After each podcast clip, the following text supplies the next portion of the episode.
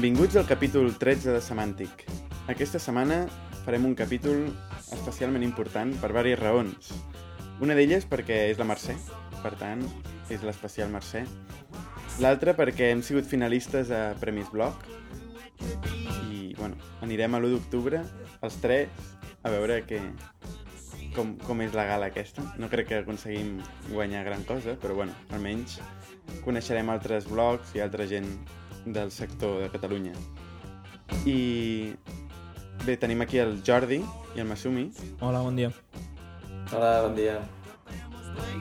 i tenim molts temes interessants per parlar aquesta setmana, bueno, aquestes dues setmanes, perquè és el primer capítol que fem al cap de 15 dies. bueno, almenys el primer capítol que fem anunciat al cap de 15 dies. I, bueno, tenim diversos temes apuntats. Tenim, primer de tot tenim el Twitter. Heu sentit a parlar del nou Twitter. Tothom parla del nou Twitter, però ningú el té. Algú de vosaltres el té, el, No, el nou jo, Twitter? jo no el tinc i el vull tenir. Jo porto Com? dues setmanes fent F5 i encara no m'ha aparegut. Fa bastanta ràbia. Fa, fa bastanta ràbia perquè, bueno, hi ha gent que està molt indignada, que diu, fa 4 anys que estic a Twitter i, i encara no me l'han posat. Hi ha d'altra gent que sí, bueno, És, és bastant misteriós el criteri que segueixen per assignar-lo, perquè hi ha gent an- antiga que no el té, gent nova que sí que el té, gent d'un país, o sigui que no sé realment, em sembla que és bastant aleatori. si tu coneixeu algú que el tingui Jo sí, Jo no. i, i què, què comenten? que comenten que és collonut, que ja no fan servir clients d'escriptori. Sí, Sí, sí.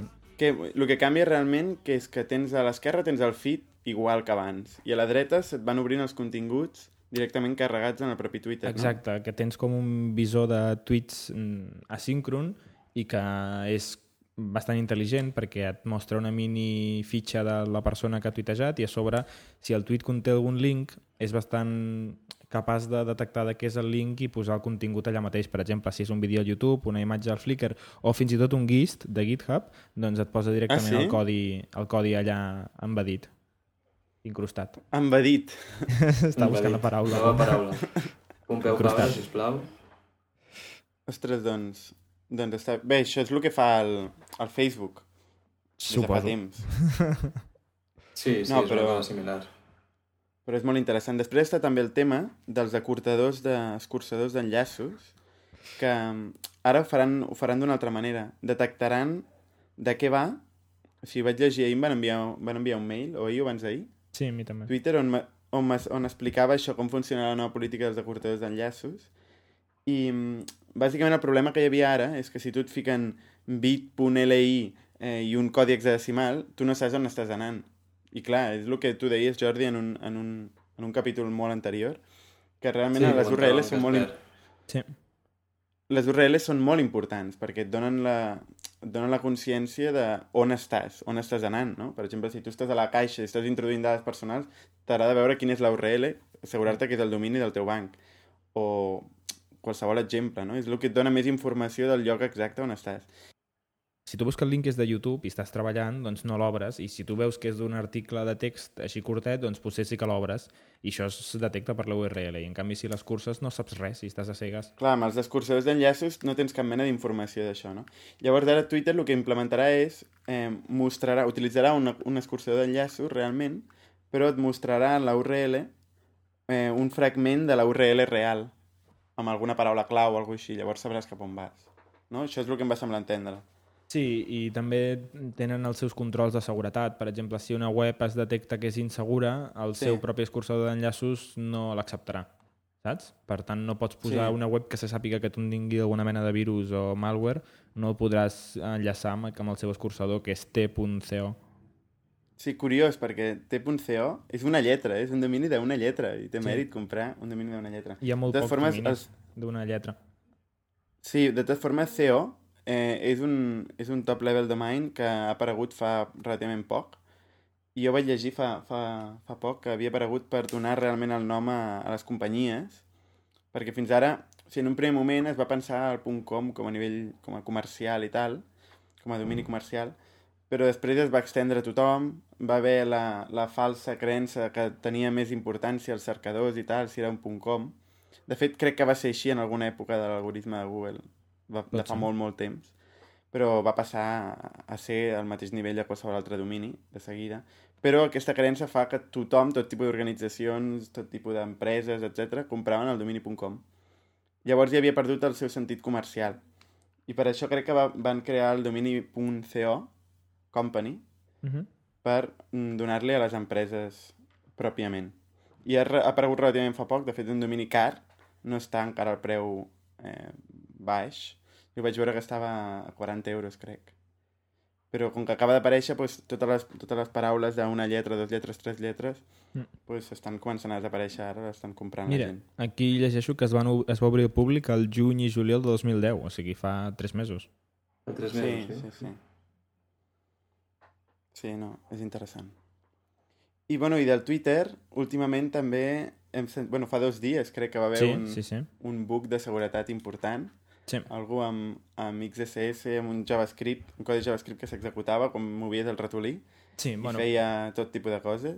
primer explicarem què és el XSS, és eh, l'abreviació Sí. de Cross-Site Scripting, que significa scripting a, a través de llocs, que és una traducció així una mica patillera. El que significa això és que un usuari pot insertar un codi mm, executable en els clients d'altres usuaris. O sigui, per exemple, JavaScript és el cas més típic perquè tots els navegadors, gairebé tots, eh, executen JavaScript, em pot fer moltes coses en, un, en una pàgina web. D'aleshores, quan tu crees una web, poses un JavaScript perquè executi comandes, com per exemple, crea un tweet si faig clic aquí, o afegeix un follower, o el que sigui. Per tant, si tu aconsegueixes que un altre usuari, amb el seu compte de Twitter, executi un JavaScript, pots fer-li fer el que sigui, com per exemple tuitejar un virus o tuitejar o f- seguir-te a tu o el que tu vulguis. Aleshores, això s'anomena cross-site scripting. És la, la possibilitat d'insertar un codi JavaScript pels altres usuaris. I això és el que va aconseguir una gent eh, i a sobre van fer que fos en l'esdeveniment on mouse over, que significa que quan tu movies el mouse per damunt d'un enllaç en un tuit eh, enverinat, feies tot de coses com, per exemple, obrir una pàgina porno o tuitejar el mateix codi i així s'extendia ràpidament. Bueno, però això el que va fer, eh, simplement sortia un missatget i ho va fer per, per mm, notificar l'exploit que hi havia, simplement. No tenia cap mena de mala intenció. Però Sí, quan van veure que això es podia fer, va començar a córrer i va com- començar a fer moltíssima gent, per tot tipus de motius. Sí, exacte. No? El primer, diuen que el que ho va fer va ser un japonès que es diu Masato Kinugawa, amb, amb un compte que es deia Rainbow, Rainbow Twitter o alguna així, que simplement era per mostrar que hi havia aquest problema i que no s'havia solucionat. Però clar, la que ho van veure, eh, la gent va començar a- explotar-ho al màxim. Sí, de fet, lo curiós que va dir Twitter, ara que me'n recordo, vaig llegir, que quan va sortir aquest, aquest exploit amb el Rainbow Twitter, que simplement aquest tio el que feia era canviava de colors els seus tweets, i mm, quan va sortir, Twitter ho va arreglar. Ho va, ho va, o sigui, va acceptar aquesta notificació, l'error, i va postejar que havia, ho havia arreglat, i efectivament ho havia arreglat. Però es veu que es van fer molts comits a sobre, i eh, algú va passar que es va publicar una altra vegada un codi anterior i va tornar a sortir a la llum el mateix exploit. Llavors, al cap d'un- d'uns mesos, o un mes, crec, aquest altre tio va fer això del mouse over, amb el mateix exploit. I van dir que, pues, que havia passat això. I que no te... van dir també que no tenia res a veure amb el nou Twitter. Era simplement... No, de fet, em sembla que amb el nou Twitter no hi havia l'error. Em va semblar llegir No. que... I clar, jo no ho he pogut provar, però en el nou Twitter ja estava solucionat. El tema aquest només era en el- en l'antic. Sí, sí. I bé, anirem seguint. Aviam si el primer de, no... de nosaltres que tingui el nou Twitter ja comentarà com va. Les Però seves principi pinta bastant bé. Pinta bastant bé. Després d'aquesta setmana també hem sentit la novetat de... bueno, de novetat, però que després s'ha desmentit, de que Facebook faria un telèfon, que, bueno, tothom s'està ficant al món dels telèfons, i tampoc era tan inverosímil, perquè Facebook inverteix moltíssim en aplicacions per telèfons. De fet, ells el que volen, bàsicament, és poder integrar tot l'entorn comunicatiu amb el, amb el teu entorn. O sigui, tot el, tot el, el teu entorn comunicatiu, poder-lo oferir com a servei A través de des dels Facebook. contactes, exacte, des dels contactes fins a la comunicació amb veu, fins a la comunicació de compartir fotos missatges, etc. No? Llavors, clar, ells el que volen és anar a- integrant com més puguin les agendes dels telèfons, per exemple, amb els contactes del Facebook.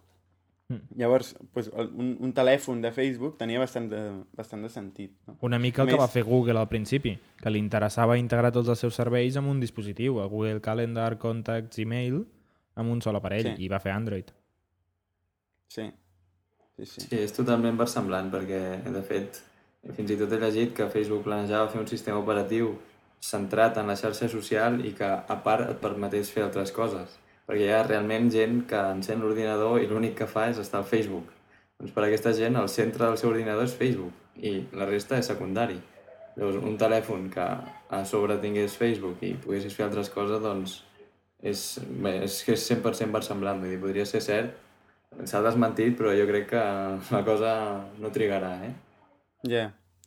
Bueno, tot, tot, a més va, ho emparava el fet de que Joe, Joe Hewitt, que és un desenvolupador una mica famosillo de Facebook, eh, va deixar... Era, és el que ha creat l'aplicació de, de Facebook per, per l'iPhone i per l'iPad i tal.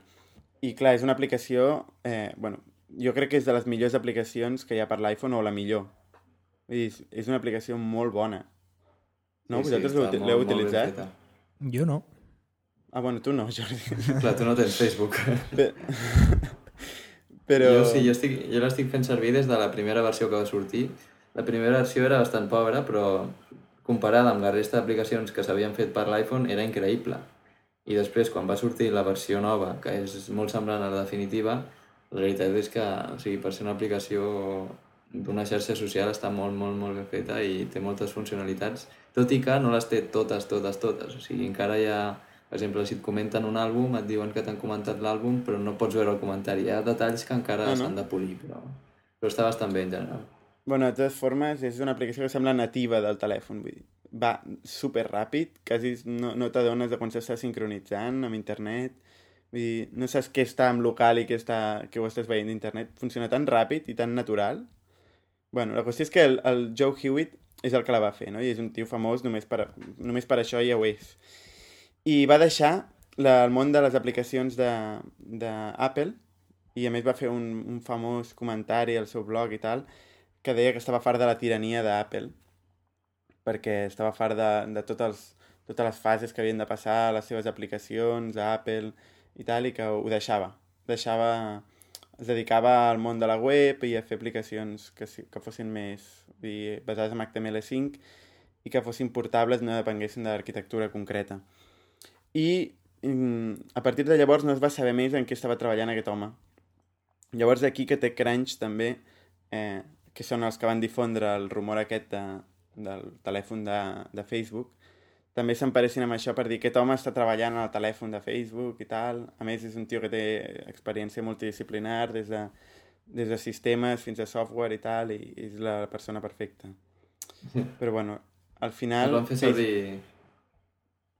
Sí, digues. el van fer servir per fer la història més creïble, no? Sí. Sí, a més jo vaig veure en directe com pel Twitter s'anava difonent el rumor, o sigui, pum, pum, pum, pum, tot de milions de tuits que en parlaven. I després va haver de sortir Facebook i dir que ho va desmentir, va dir que el seu interès era continuar suportant totes les arquitectures, fer aplicacions per tots els, tots els dispositius i tal.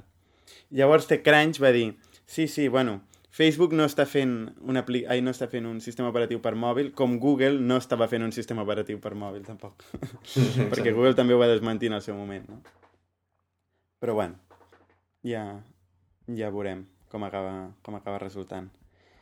Sí. La qüestió és que Facebook està penetrant a la vida de, de, de la societat, bueno, està penetrant en tota la privacitat, bueno, com Google, una mica com Google, però amb la l'afegit que integra molta més informació personal i molta més informació de caràcter que no compartiries a internet. bueno, amb el mail segurament sí, o sigui, Google també és igual de perillós, però Facebook és més, més perillós perquè, més, la idea de privacitat no, no la tens clara. No la tens mai clara en Facebook. Vull dir, la gent confia perquè pensa que és una xarxa tancada, fica tot, i després no ho és. I quan es donen compte, doncs, molta més gent de la que pensen està accedint a aquella informació. Però sí, bueno, és que a més Facebook està a totes les converses. L'altre dia, a la inauguració de, del curs de la UPC 2010-2011, el, el conseller delegat de Siemens, Siemens, com ho pronuncien ells, eh, el, el, el Francesc Balil, va, va parlar de Facebook. O sigui, tothom parla de Facebook a qualsevol lloc. És una cosa que, que no, sé, no sé si s'acabarà algun dia, però és increïble. Home, un, una xarxa amb usuaris, amb tanta activitat d'usuaris, o sigui, no, no només que tenen 505, em sembla que són ja 550 milions d'usuaris, sinó que a més a més eh, tenen un, un índex d'usuaris actius altíssim. I l'altre dia vaig sentir sí. que tenien 60.000 servidors. En l'últim sí. capítol parlàvem de com, com s'ho feia Facebook per, per gestionar les seves, les seves queries a la base de dades que tenien, tenen My, MySQL. I el Jordi deia pues, a base de servidors. I efectivament, després ho vaig buscar i bueno, tenen una quantitat d'infraestructura increïble, eh? increïble. I parlant de, de Facebook, m'acabo de recordar un tema que no havíem preparat a l'escaleta, però aquesta setmana hi ha hagut una baralla molt interessant entre David Heinemer Hanson, creador de Ruby on Rails i co-director de 37 Signals, junt amb Jason Fried, i Joel, Joel Spolsky, que és el creador de Fog Creek mm. i i co-creador de Stack Overflow i totes les webs Stack que fan servir el seu sí. sistema. Bueno, doncs hi ha hagut una baralla molt interessant perquè resulta que ara Facebook s'ha dit que està avaluada en 33.000 milions de dòlars, que segons els americans són 33 bilions de dòlars. I bé, sí. això ha creat molta polèmica perquè segons aquesta projecció eh, ja és més valuosa que Google o està a punt de tenir més valor que Google i, i bueno, uns números que són així una mica absurds i llavors el David Hennemer Hanson va fer un article parlant sobre el tema i criticant la manera d'avaluar companyies que segons ell mm, es basen en els diners de monopoli perquè diu que no són diners reals perquè aquesta gent encara no té no té un valor real, sinó que tots són diners especulatius, i Joel Spolsky contesta que és cert, però és que tota l'economia capitalista són diners de monopoli, tots els diners són diners especulatius i és el que val perquè els accionistes ho diuen. I llavors eh, a Hacker News es van anar contestant entre ells creant un debat molt interessant que enllaçarem i que us recomano que ho llegiu perquè és molt interessant. Pues sí. De fet, això que dius és molt interessant perquè eh, és una de les ciències més inexactes que hi ha, la valoració la tassació de companyies. Quin és el valor d'una companyia? Per exemple, em va explicar un, una vegada que vaig anar doncs, a Barcelona Activa perdona, i em van assessorar. La, la resposta, sí. et faig només, ara segueix explicant el teu, però la resposta curta del Joel Spolsky és la que, segons ell hi ha en el llibre de com funciona el mercat de valors, el valor d'una companyia és el que s'ha pagat per l'última transacció en accions d'aquella companyia multiplicat pel número total d'accions. I això és el que fa que mm. Facebook valgui 33, 33 bilions de dòlars amb els bilions americans, que són aquests. El que s'ha pagat, perdona, és que no... no, no el que s'ha pagat per l'última transacció en accions d'aquella mm -hmm. empresa mm, multiplicat pel número d'accions total que té. O sigui, si, si Facebook té un milió d'accions i l'última acció s'ha comprat per 3.300 mm, dòlars, doncs calcules multiplicant el número d'accions que té i ja saps el valor de Facebook. És això és com es fa, segons el mercat de valors, i és la posició que defensa Joel Spolsky. Ja. Bueno, és I, Bueno, és, I, més, eh, I més amb el sistema americà i amb el sistema d'accions, en què d'un dia a l'altre canvia sí, sí. totalment en funció de corrents, modes, etc. Eh? O sigui... No, no, és així. Per exemple, el, jo volia comentar el cas del Cort Inglés. El cas del Cort Inglés és una, és una societat limitada, un, són una família, una família que sempre ha tingut tota la propietat del Cort Inglés i una vegada es va haver de tassar, perquè es va haver una baralla amb un de la família i tal, es va haver de tassar quan valia l'empresa. I clar, al ser una societat, es va tassar el valor comptable de l'empresa. Però el valor comptable no té res a veure amb el valor real de la, de la, de la societat. O sigui, de fet, es va tassar, no sé si eren 6.000 euros. Yeah. o alguna així, una, una tonteria així. Sí, sí. Clar, no hi ha un mètode, no hi ha... Bueno, amb, amb el tema de les accions sí, no? Però... Clar, en borsa. En borsa, però la borsa és la cosa més inexacta sí, i sí, més evidentment. canviant que hi ha. I sí, sí, doncs és, aquest debat precisament és el que han iniciat i de veritat que recomanat des d'aquí. Doncs ja el seguirem.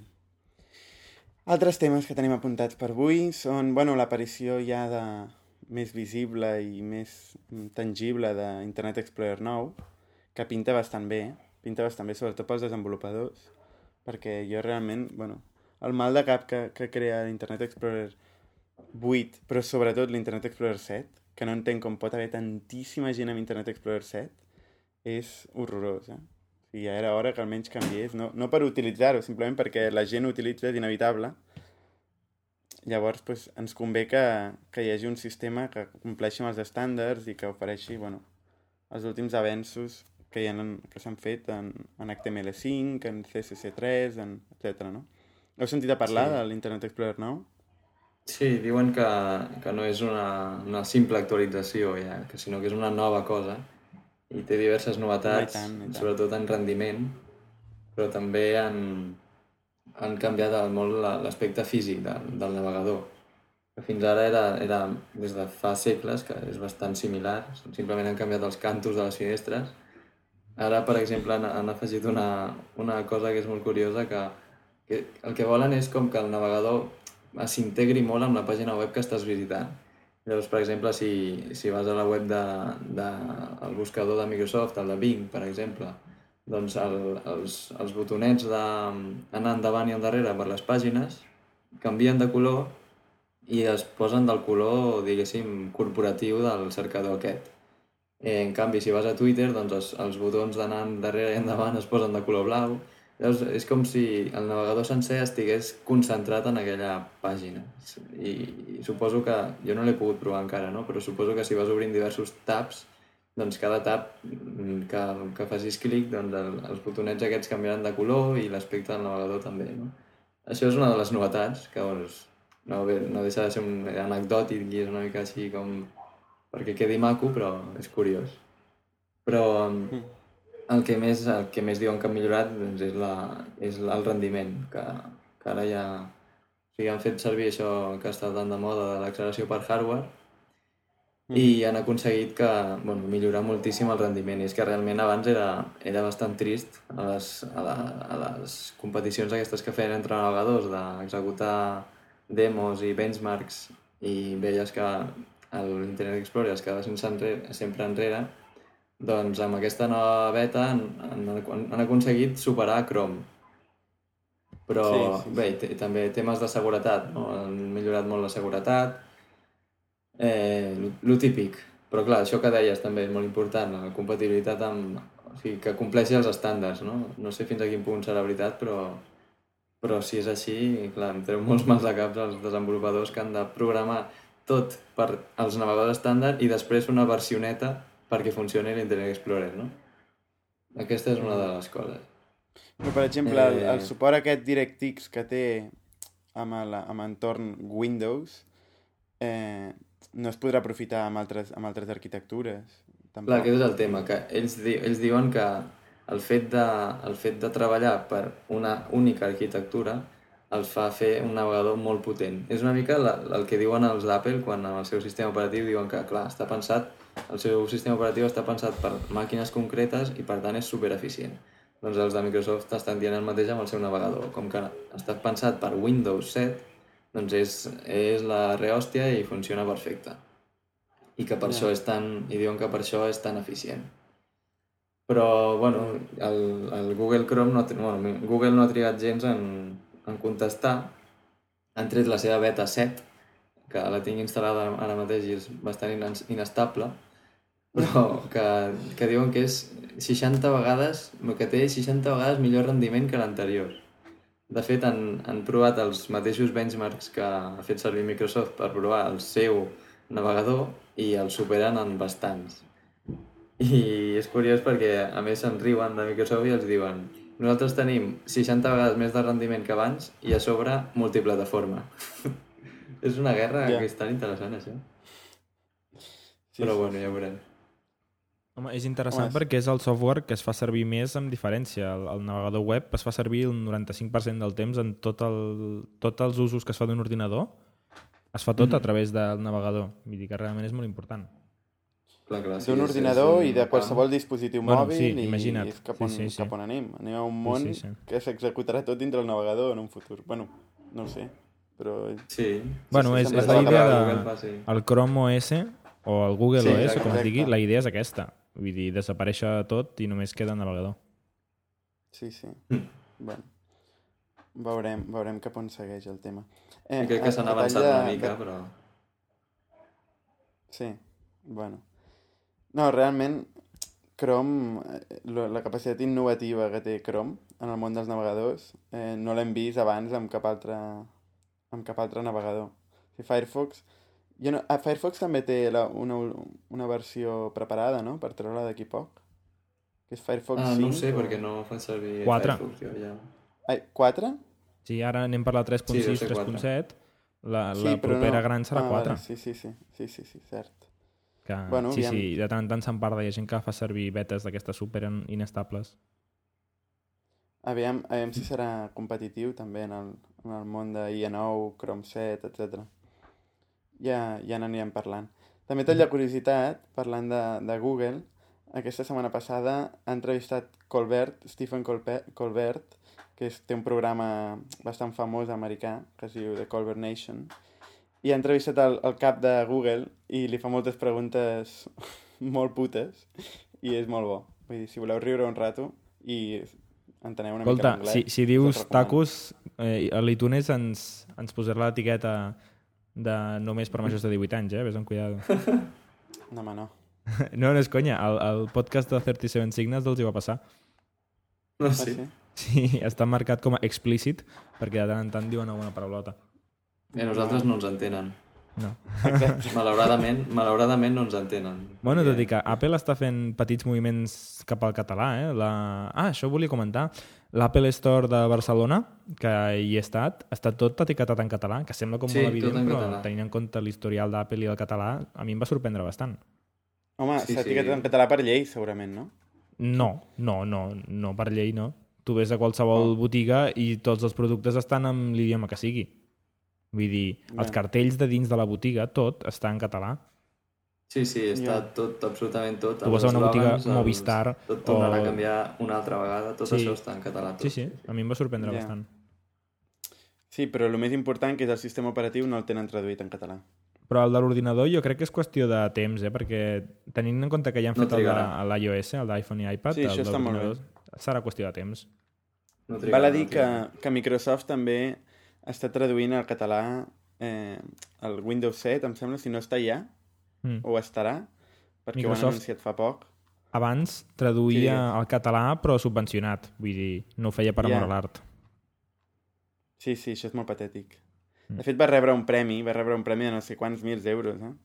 Per, per haver traduït software en català i, i, i total, mm, jo no el veig, eh? Aquest software en català, a part del sistema operatiu i tal, en el seu moment, els hi costa moltíssim, eh? També treure les versions en català. Mm. Però bueno, Ens hem, posat, ens hem de posar de voluntari de traduir. sí. Software de Microsoft? Estàs de broma. Jo ho vaig fer amb... El, jo l'últim cop que vaig fer va ser amb un plugin del Messenger que hi havia, el Messenger Plus. Sí. Vaig col·laborar en la traducció en català. Però Home, sí, però nosaltres feina. hem traduït bastantes coses al català open source. Vull dir, alguns temes de Ruby on Rails o, o gemes de Ruby i coses així, jo n'he traduït unes quantes. Vull dir que... Mhm. Ben I em fet, sembla que fet. Bernat també, perquè li vaig veure en el seu repositori. Sí, quan és open source dona, dona bo fer-ho. També Ah. amb softcatalà també alguna vegada. Estava a la llista també- fa temps de softcatalà. Mm. Sí, està bé. Afavorir Però- els projectes open source, vull dir... Clar, i tant. Tant. Però clar, per Microsoft, aquesta gent cobra un, Exacte. una pasta per, a, per, a, per als seus productes, no? Pues el mínim és que si ho estan venent aquí, que ho, que ho tradueixin al català. Mm. Em Sí, sembla sí, una sí. qüestió de comercial, eh, fins i tot, no? Mm. Bueno, Però, seguim clar, amb el estem guió. Sí. Ens estem desviant molt. Sí, sí. Bueno, què més tenim? Tenim Diàspora, per cert, que han obert el codi tal com va anunciar el Masumi al, a l'últim podcast i l'hem pogut veure. El Jordi fins i tot els hi ha fet algun comentari. Sí. Oi? Vaig fer un comentari perquè en el, un dels còmics, o sigui, un, de, un còmic és... Va, és igual. En un dels còmics del, de, de, del codi, on feien uns quants canvis, havien arreglat tots els fitxers que tenien una capçalera on posava un copyright. Doncs en el copyright hi deia copyright 2010 Disapora Incorporated. A tots els fitxers. Llavors van fer un sol còmic arreglant-los tots i el missatge del còmic era spell our name right i, i jo vaig fer un comentari al·lucinant que un projecte així amb, amb tanta repercussió fes, fes aquestes coses tan gracioses. Sí. Per cert, això que dius que, que és un comit... Eh, És que- Digues, digues. No, aprofito per comentar Ah, vale. que hi ha un nou screencast a la web de Semantic que explica com fer les primeres passes amb, amb Git. Veureu que no és, no és perfecte l'escreencast, de fet és una versió preliminar, perquè vam dir que ho faríem amb HTML5, per exemple, i de moment no utilitzem Vimeo i no utilitzem un reproductor HTML5, però bueno, ja és el primer, el primer screencast de prova, en farem més, i allà s'explica les primer, els conceptes més bàsics de, de Git. Per exemple, què és un commit, com fer un Expliques commit, què és un és còmic? una versió Eh? Expliques què és un commit? Bueno, explico que és una, una versió determinada del codi en un moment donat amb, amb unes actualitzacions sobre aquest codi donades. No? Sí, de fet, a, a termcat.cat podem buscar la paraula commit i està definida com desar una nova versió al repositori d'un sistema de control de versions amb l'objectiu de permetre a tots els usuaris del sistema l'accés a aquesta nova versió. Em sembla estupendo. Perfecte. Sí, està bastant ben definit, sí. I si busques repositori, perquè clar, no acabaràs mai. Clar, has d'anar buscant aquí. Sí, control de versions. Bé, eh, volia... És que lo- no sabia si definir o no el que era un còmic, perquè l'últim cop vaig decidir definir què era la terminal i quasi em mateu. Vaig Home, dir- que vas dir, vas dir aquella cosa negra. sí, sí, Aquella cosa negra. sí, sí, malauradament recordat. Bé, tornant a Diàspora, abans de que us desvieu més, eh, el Codi és una aplicació Ruby on Rails que molta gent l'ha criticat i jo volia fer un comentari de defensa. És cert que han fet coses malament, però també és cert que aquesta pobra gent ha decidit, bueno, pobra gent no sé si són pobres, no? perquè van rebre diners, però han Ara no decidit són pobres. mm, fer un projecte open source, que és una cosa que molt poca gent fa, perquè mm, fer un projecte open source, a part de les limitacions que puguis tenir de monetitzar el teu codi, etc, hi ha una qüestió com de vergonya, no? I aleshores aquesta gent ha fet l'esforç de publicar el seu codi el més ràpid que han pogut i evidentment té problemes aquest codi, però jo crec que no està bé matxacar-los massa perquè s'ha de valorar l'esforç que han fet fent, fent open source. Hi ha molta gent que no fa open source per por a haver de compartir el seu codi i està bé que aquesta gent s'hagi atrevit. Només crec que és, Bueno, és però quan- positiu. Quan van rebre per al seu projecte? Un 400.000 euros o alguna cosa així? No, bueno, tant. Pot ser, home, però porta molt poc temps, vull dir, no passa res, ja el milloraran, no? és, és un codi en, en desenvolupament, ningú ha dit que sigui la versió final, ja l'arreglaran. Ja. Algú diu que, que el, el van provar d'instal·lar, deies abans Masumi o alguna cosa així? I Sí. problemes o... Bé, no, jo l'he provat d'instal·lar, però dir, tampoc m'hi he ficat molt, no, no em va funcionar, però perquè eren les 3 del matí, tenia molta son i ho vaig deixar estar. Però sí que hi ha gent que diu que ho ha instal·lat i ha trobat molts errors, però és això que comentava el Jordi, vull dir, està en fase embrionari, això. Volia comentar que Ja, se'ns han adelantat fent servir Mongo per la base de dades, van sentir el nostre últim podcast i van decidir implementar Mongo Mapper i, i en comptes de fer servir una base de dades SQL fan servir una base de dades no SQL, com vam comentar a l'últim episodi. Uh -huh. Ja veurem, aviam si podem treure'n alguna idea de la seva implementació. O ells de la nostra. Jo crec que més aviat ells de la nostra. Sí, segurament. Bé, altres temes, a part de diàspora, que fins que no en veiem alguna més sòlid, no tindrem molt a parlar. També tenim, hem parlat en algun, en algun podcast, que per cert, eh, a les seccions de trucs i consells del final, després de les vacances s'ha perdut aquesta secció, vull dir, s'ha quedat a les vacances, però tornarà, tornarà.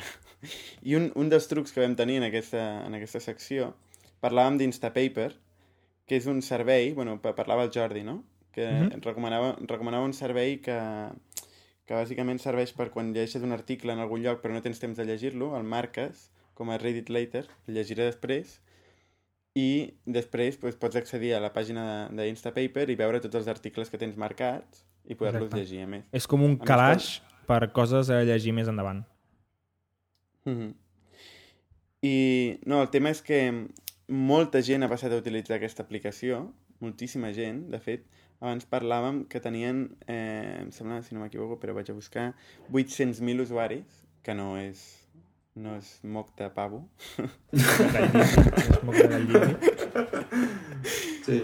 I... Doncs eh, està molt bé, no només l'aplicació web, sinó també vull comentar la- l'aplicació que tenen per iOS, eh, Sí. que és de, de pagament, val, em sembla que 4 euros, vull dir que no, no és d'aquestes gairebé gratuïtes. Està molt bé, vull dir, només per això ja, ja val la pena registrar-se, que és gratis, registrar-se és gratuït. Mhm. I, bueno, això que deia, que tenen, tenen a més tenen 200.000 usuaris actius, per lo que estic veient ara. O sigui que... Bueno, la qüestió és que, que aquesta, la gent que ha fet aquest... No, la gent no, l'home, no?, que ha fet aquest software, Sí, Marco Armen, això, pues, ha decidit fer un, un startup, un, una empresa per mantenir Instapaper. I, bueno... Sí, perquè va començar, va començar com un projecte personal, un hobby, perquè suposo que a ell li interessava, ho va desenvolupar i ho va publicar, no se li va ocórrer cobrar ni res, i bé, ha, ha decidit que li interessa seguir amb aquest tema i la seva anterior empresa, que era Tumblr, d'on ell és un dels creadors, doncs ha- l'ha deixat perquè la segueixi mantenint d'altra gent i ell dedicar-se exclusivament a, a desenvolupar Instapaper. O sigui que, per tant, promet bastantes millores. De totes formes, sí que hi ha una versió de pagament, no? Per la iOS. Sí, però el, del software, no del servei. Ja. O sigui, això és el que El comentava, que val és 4 il·limitat euros. i gratuït. Sí, sí, sí. Mhm. Cosa que està molt bé. No. Està bé, I suposo que aquest home ara al dedicar-se exclusivament a això buscarà finançament i buscarà doncs, invertir en l'aplicació per potser oferir serveis premium que siguin de pagament per, clar, si, si busques finançament has d'aconseguir diners. Per poder-ho monetitzar, no? Sí, sí. Eh, Però bueno, he és, vist és també que interessant. He vist també que té una API aquesta aplicació, no? Perquè, per exemple, he vist el, el Mislab, el teu Sí. company de feina, sí. que té publicat a la seva pàgina web el, el seu feed d'Instapaper. Bueno, ah no, serà un feed, no? I simplement l'explota. Ok. Ah, sí, el consulta amb JavaScript en el seu cas, perquè la seva Ah, web és vale, estàtica i, i simplement en JavaScript obté, obté el seu feed de, de enllaços que s'ha guardat i els consulta més endavant. Mhm. No, està bé, està bé. Bueno, veurem com, com evoluciona Instapaper, ja anirem parlant. I mm, altres temes d'aquesta setmana... Bueno, tenim eh, Telecinco versus Google. Va haver un, una, una denúncia de Telecinco a Google per als continguts amb copyright, lo típic, però lo important és que en aquest cas ha perdut Telecinco el, el judici, ha guanyat Google, i s'ha Mm. sentat un precedent bastant important perquè diu que bueno, Espanya s'ha dit, un jutge ha dit que Google o qualsevol empresa que ofereix servei de publicació de, de continguts Sí, anava a dir, en aquest cas era concretament contra YouTube, que és Google, però perquè quedi clar que Telecinco sí. el problema que tenia era amb els vídeos de YouTube. Sí, sí. Eh, I el que ha dit el jutge és que no, és l'usuari el responsable de, dels continguts que puja. És a dir, no té cap obligació el, el que ofereix el servei, en aquest cas Google o YouTube, de, de revisar els vídeos abans de publicar-los. Clar, això seria molt costós perquè cada dia s'estan pujant moltíssims vídeos a YouTube i, i Google sempre ha intentat lluitar contra, contra que li obliguin a fer això, no? De, de revisar tots els vídeos. A part seria incòmode perquè perdria la rapidesa que tens en pujar un vídeo i, bueno, perdria qualitat al servei. Llavors a Espanya pues, s'ha dit que, que no té aquesta responsabilitat directa el proveïdor de serveis i que és l'usuari el responsable, la persona que s'hauria de denunciar si infringeix un, un codi de copyright. No? L'altre tema és que sigui fàcil eh, localitzar el, localitzar l'usuari, no? perquè és bastant, bastant anònim. Però bé. Home, li poden tancar el compte i ja està, que és el que fan ara. Esborren El què, el què? tot Perdó? el compte i... Ah, el el que fan compte. ara és esborrar el compte i ja està. I gent que, que porta 10 anys a YouTube, bé, 10 no sé, quan, no sé quan existeix, no? porten 1.000 anys a YouTube, per dir alguna cosa. I puja els seus vídeos i coses que ha creat ell i té les seves visites, comentaris, de sobte penja un vídeo sense cap mena de mala intenció, li esborren el compte i apa, a, a collir Ja. castanyes. Ui, castanya. Sí, sí. Les tiranies, les tiranies de, dels serveis aquests, que, bueno, ells són una empresa, fan el que volen, està clar, no? Nosaltres utilitzem, Sí. som usuaris, som formiguetes, perquè ja en tenen trillons d'usuaris. Esborrar el compte d'un de nosaltres no canvia, no canvia el No món. canvia res. Però bueno. Eh, bueno, també teníem eh, alguna cosa interessant a explicar. Sí, sobre... La setmana passada vam parlar de catching. Catching de Facebook, que és un tema molt, molt interessant. I que el fet de, que, de poder veure una aplicació d'una forma tan natural se't carrega ràpid en el teu, el teu navegador, però en realitat per darrere està treballant amb una quantitat de dades increïbles i està fent moltíssimes consultes a dades, però tu no ho notes, no? Això és el, el catching, el catching de les webs, que es pot fer a molt, molt d'una aplicació web, perdona. De, I es pot fer a molts nivells, no? Llavors, el Jordi havia dit que podia comentar um, en una sèrie de diversos, diversos podcasts diversos temes relacionats amb el catching. Per exemple, el page catching, havíem comentat Sí. que podies explicar avui, Jordi. Sí, bueno, catching és com una ciència molt extensa que nosaltres en aquest cas parlarem només de catching en aplicacions web, perquè doncs, és en el que treballem la majoria de nosaltres i, i és on també té molt de sentit, però catching el pots aplicar amb qualsevol client d'escriptori, qualsevol aplicació on fas una tasca més d'una vegada i aquesta tasca és costosa. I per tant el que fas és guardar-te en la resposta per reutilitzar-la. Llavors, avui parlarem de page catching. Page catching significa doncs, mm, un catching de pàgina i és quan tens un contingut que no és molt dinàmic. Per exemple, la pàgina de semàntic. La pàgina de semàntic canvia cada vegada que nosaltres posem un nou... Evidentment, cada vegada que canviem la pàgina, per això ja es dona per suposat, però cada vegada que afegim un nou podcast, l'editem o algú fa un comentari. Aleshores, aquestes són les úniques vegades en les que realment val la pena renderitzar, o sigui, anar a la base de dades, fer consultes, etc per, mm. per dibuixar la pàgina. Això passa, què? Un cop al dia, dos cops al dia, i en canvi doncs, totes les visites que entren a Semàntic fan tota la feina de renderitzar i fer tot, doncs, tots els càlculs que són innecessaris. Page caching significa emmagatzemar tot l'HTML que retornarem i etiquetar-lo dient això vull que ho modifiquis si alguna d'aquestes coses modifica, i en aquest cas seria el post que s'està mostrant o els comentaris d'aquest post.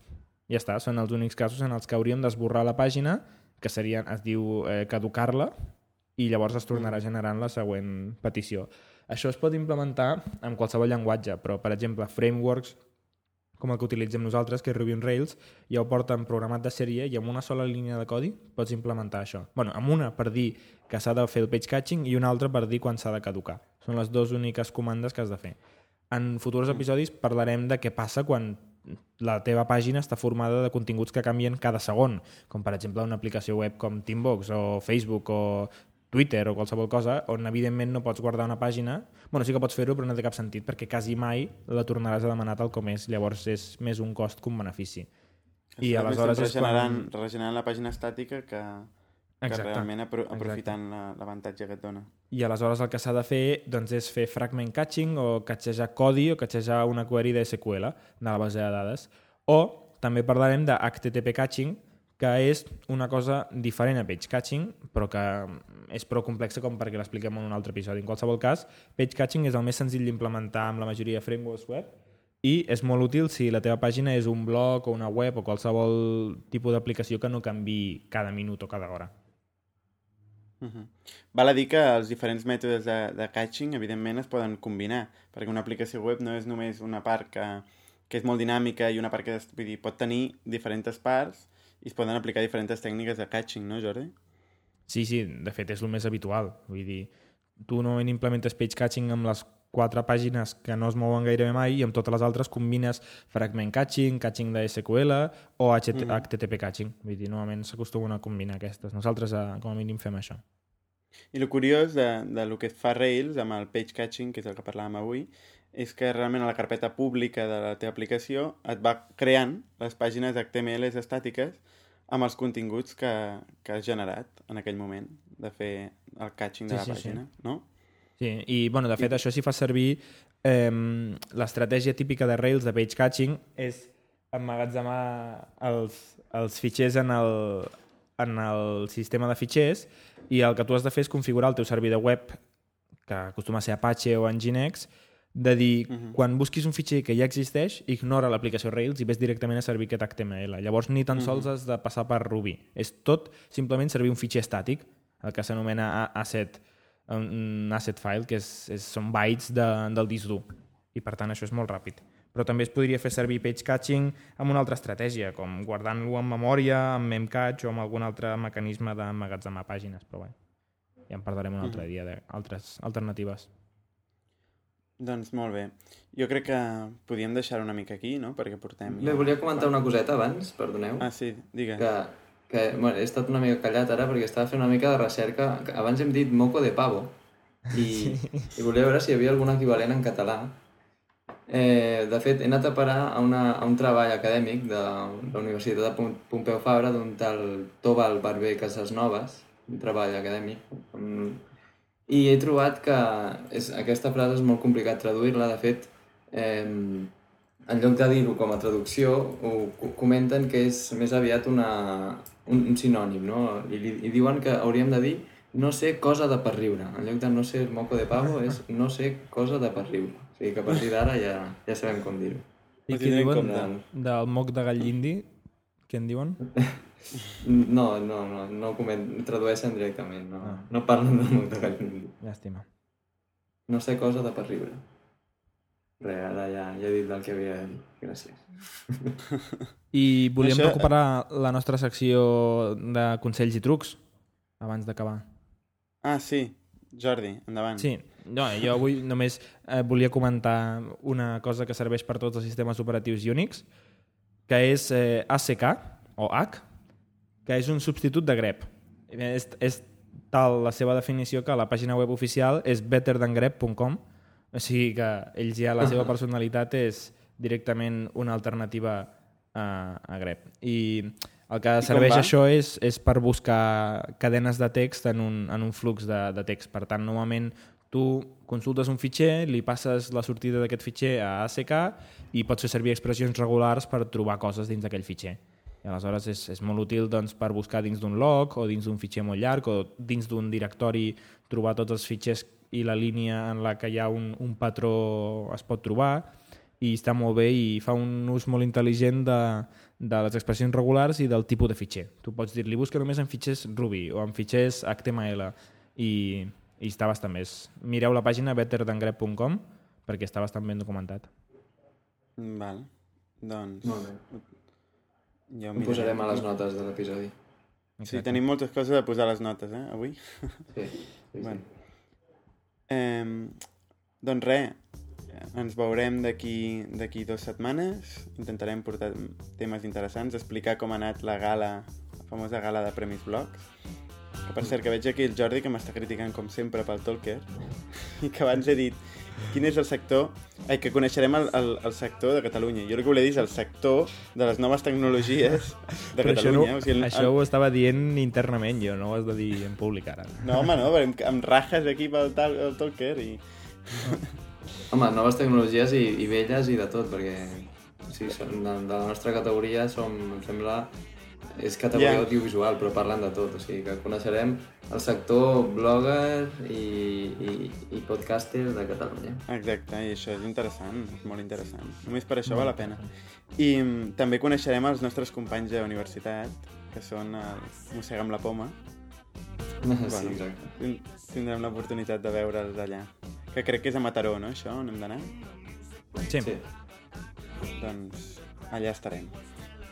I res, seguiu-nos, com sempre, al Twitter, al Twitter de tots nosaltres, però també al twitter.com barra semanticpodcast, al nostre mail, que és podcast arroba semantic.cat, i sobretot escriu comentaris, ningú escriu comentaris a la web, només els spammers que han descobert com resoldre les, noves, les nostres sumes tan complicades i ens estan començant a omplir el blog de spam. Perdoneu per això, crearem un sistema més avançat que les sumes que hi ha ara mateix. I res, fins la setmana que ve. I said I gotta go away.